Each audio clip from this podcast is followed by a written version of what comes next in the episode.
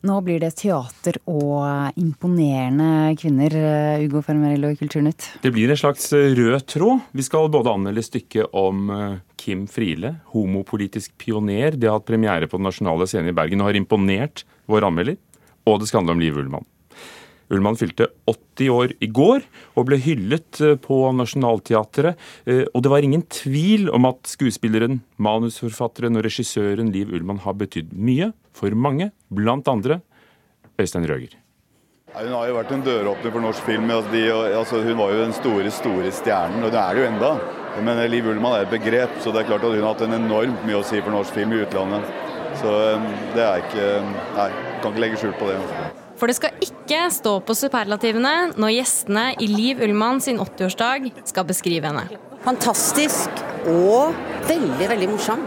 Gæren, liksom. Jeg syns hun har vært sånn hele livet. Sånn yndig, vakkert menneske. Sånn, ja. Leken. Hun er en myk og varm og nydelig jente som aldri aldri sparer på seg sjøl, på en måte.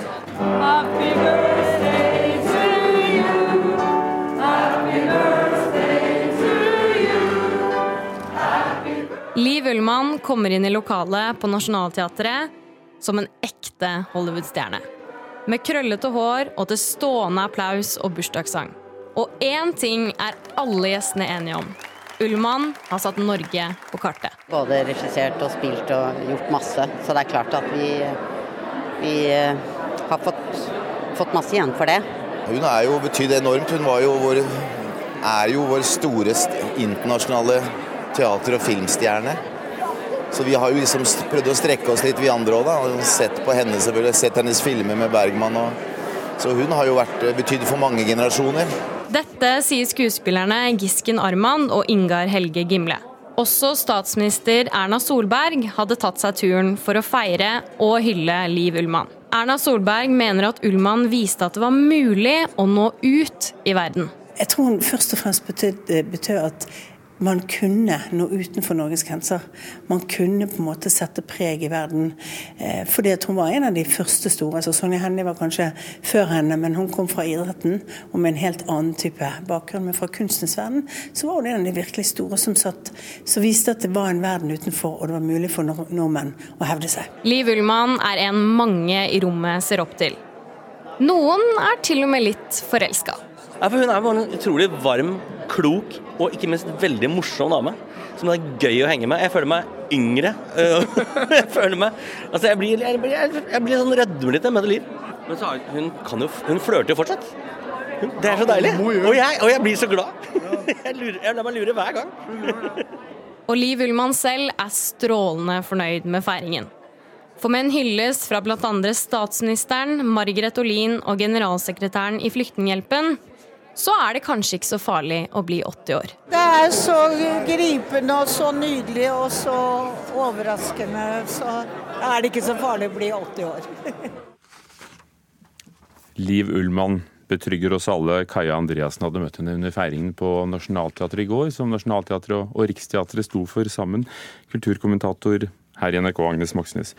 Hvorfor og hvordan ble Liv Ullmann verdenskjent? Ja, eh, det er jo veldig mye som skal eh, klaffe for at, eh, for at det skjer. Så man må ha noen personlige kvaliteter, og i tillegg en, en god dose flaks også. Og, når det gjelder Liv Ullmann, hun ser jo godt ut. Hun var, er en strålende skuespiller. Bjørn Sundquist han sier i festskriftet som nå kom til Liv Ullmann, at hun har den egenskapen at når hun tar på seg en maske eller en rolle, så i stedet for å bli usynlig, så blir hun synlig og, og gjennomsiktig. Og det er en veldig, veldig sjelden evne som, som Liv Ullmann har. Og så denne dosen med flaks, da. Hun traff eh, Ingmar Bergman. Han så henne, og sammen med ham og Jan Troell så har hun altså laget filmer som for alltid blir stående på listen over noen av de beste filmene som er laget i, i verden. Og i tillegg så er hun smart, hun er engasjert, hun er en sann humanist, hun er interessert, og hun er adskillig kvikk og morsom. Er det sant at hun i mange år fikk smake på janteloven, at hun ikke ble brukt i Norge? Ja, det er et faktum. Hun fikk sine Golden Globe, hun ble nominert til Oscar. Hun sto på scenen i Broadway til utsolgte hus. Eh, hun eh, ble brukt i et femtitalls filmer, men i Norge så ble hun altså ikke spurt om å delta. Ikke på teater og ikke på film. Og hun kaller det jo jantelov selv også, det var det det var. Eh, og det sier jo noe som ikke er særlig muntert om norsk kulturliv, at det er, eller var, får man håpe, en, en flokktenkning. Eh, og, og, det til tross for at hun burde jo også vært et kvinneforbilde i kvinnekampens tiår. Det var jo da hun var på sitt aller største. Men det er jo interessant nå når man ser at Sonja Hennie-filmen kommer nå neste helg, eh, og så feirer vi Liv Ullmann. Og de to til sammen, altså de to kvinnene, er jo de mest kjente eh, norske Eh, altså norske, eh, norske skuespillerne, kunstnerne, som har vært på lerretet Altså hvis du ser dette i det store verdensperspektivet, da. I 2010 ble Liv Ullmann overtalt til å stå på en norsk scene igjen for første gang etter 20 år, og det var da Riksteatrets Ellen Horn som fikk henne med på lang dags ferd mot natt sammen med Bjørn Sundquist og, og hele truppen, og reiste land og strand rundt. Kritikkene var kjempegode, så enkelt kan vi si det. Og det betød mye for Liv. Ja, her hjemme i Norge så betyr det masse for meg.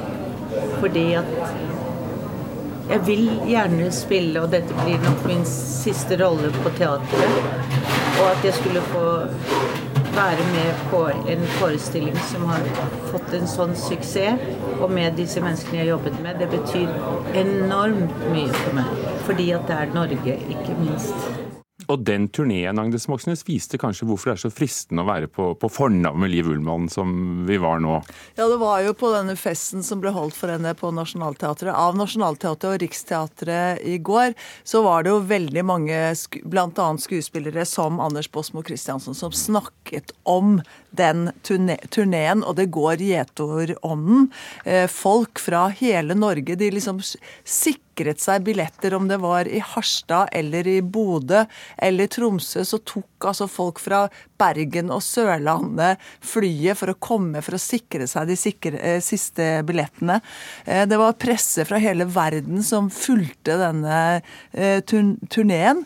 Og uansett hvor de kom hen, så ble de mottatt av korps og, og ord, ordførere. Så det var en triumfferd, rett og slett.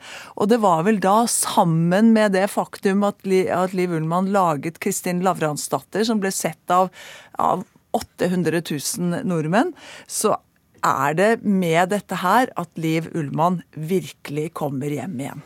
Tror du, tror du hun kommer til å opptre litt igjen? Ja. Det får man håpe.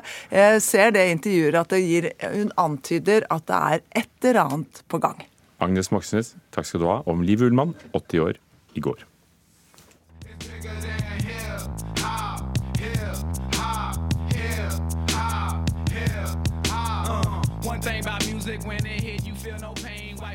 Mange har sikkert dratt kjensel på rockegruppen Dead Press. En uh, rappgruppe som ikke faller i smak hos Russlands president Vladimir Putin. Og vi begynner vår lille oversikt over dagens kulturnyheter her, uh, reporter Daniel Eriksen. Uh, hvorfor er det Putin misliker denne musikken?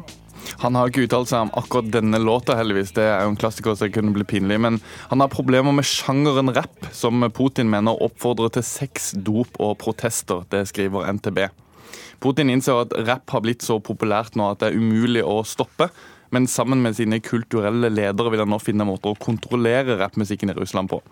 Dette kommer altså en måned etter at rapperen Husky ble arrestert i Russland pga. tekstene sine, og flere andre rappere har også avlyst konsertene sine etter press fra politiet. Det er jo trist for rapperne, men det er jo glimrende tema for rappalbum, da. Rapp er eh, ganske sikkert eh, også på programmet til Øyafestivalen, som hvert år går av stabelen i, i, Oslo. Tidligere var det jo i Bærum, men nå er det Oslo. Eh, de har fått kutt i støtten fra Kulturrådet, og det melder Aftenposten i dag. Hvor mye mindre får de?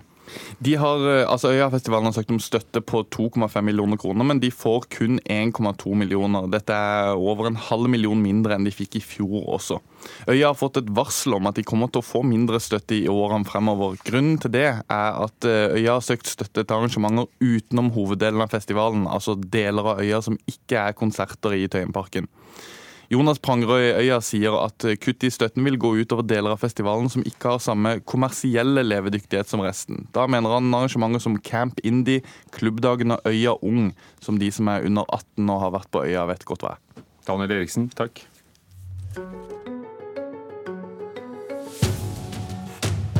Karin Kristine, eller Kim Friele, er eh, kjent som forfatter, aktivist og ikke minst som pioner og forkjemper for homofiles rettigheter. Og nå har eh, Kim Friele fått et eget teaterstykke om seg selv og sitt liv. Audun Chris Holsen og Marius Leknes Snekkevåg står bak stykket. Premieren var på Den nasjonale scene denne helgen. Jeg har ikke noe behov for å være verken anonym eller diskré. Det ligger ikke i min natur. Men det, det kan virke som om, som om forbundet dyrker diskresjonskulturen. Av nødvendighet, selvfølgelig. Så vidt fra forestillingen, og det er vel da grunnleggelsen av Det norske forbundet av 48, som det het, det som i dag er FRI. Eh, forestillingen heter KIMF, hadde urpremiere i Bergen denne helgen. Karen Frøsland Nystøyl, vår teaterkritiker, hva synes du?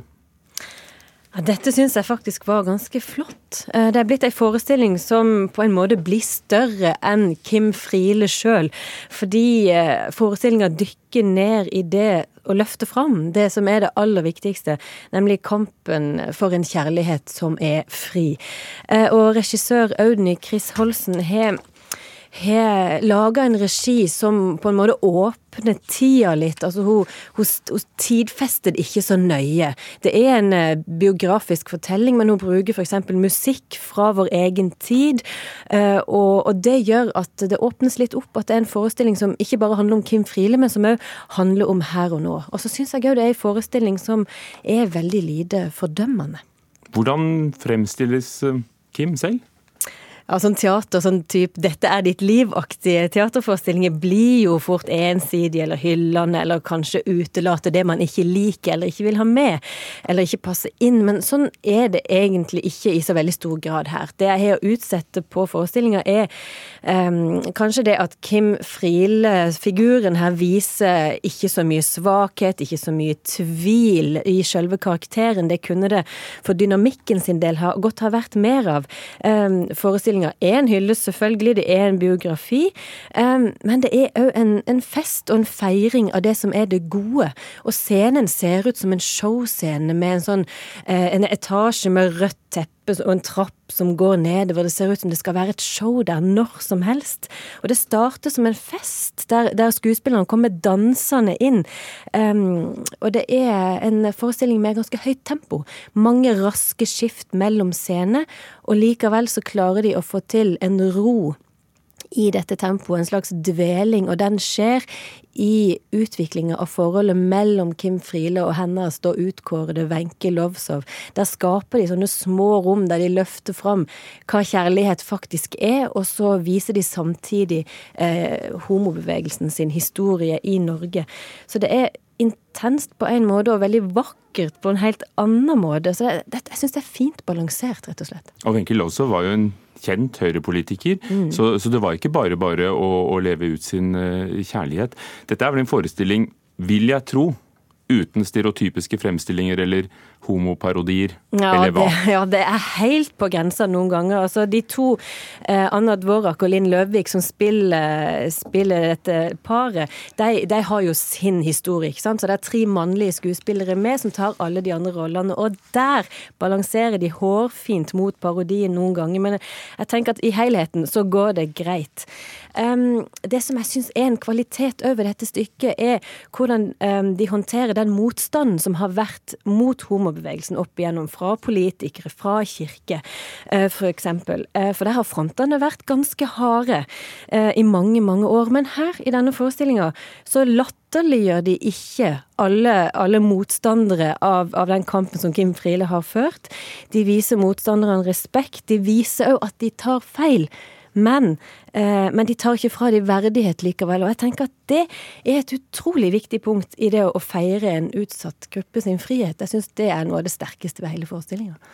F. hadde premiere på Nasjonale scenen denne helgen. Der spilles den eh, til og med 12.1, og så skal den videre. Kortfattet, hva skal vi huske fra det du har fortalt oss?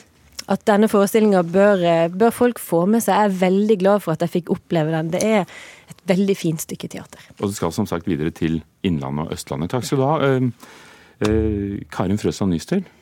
Ugo, hender det at du googler sykdommer? Har det hendt? Mye kan hende. ja, det er i hvert fall sånn at Barn helt ned i tiårsalderen frykter alvorlig sykdom etter å ha googlet forskjellige symptomer. Det skal vi snakke om. Men først Dagsnytt.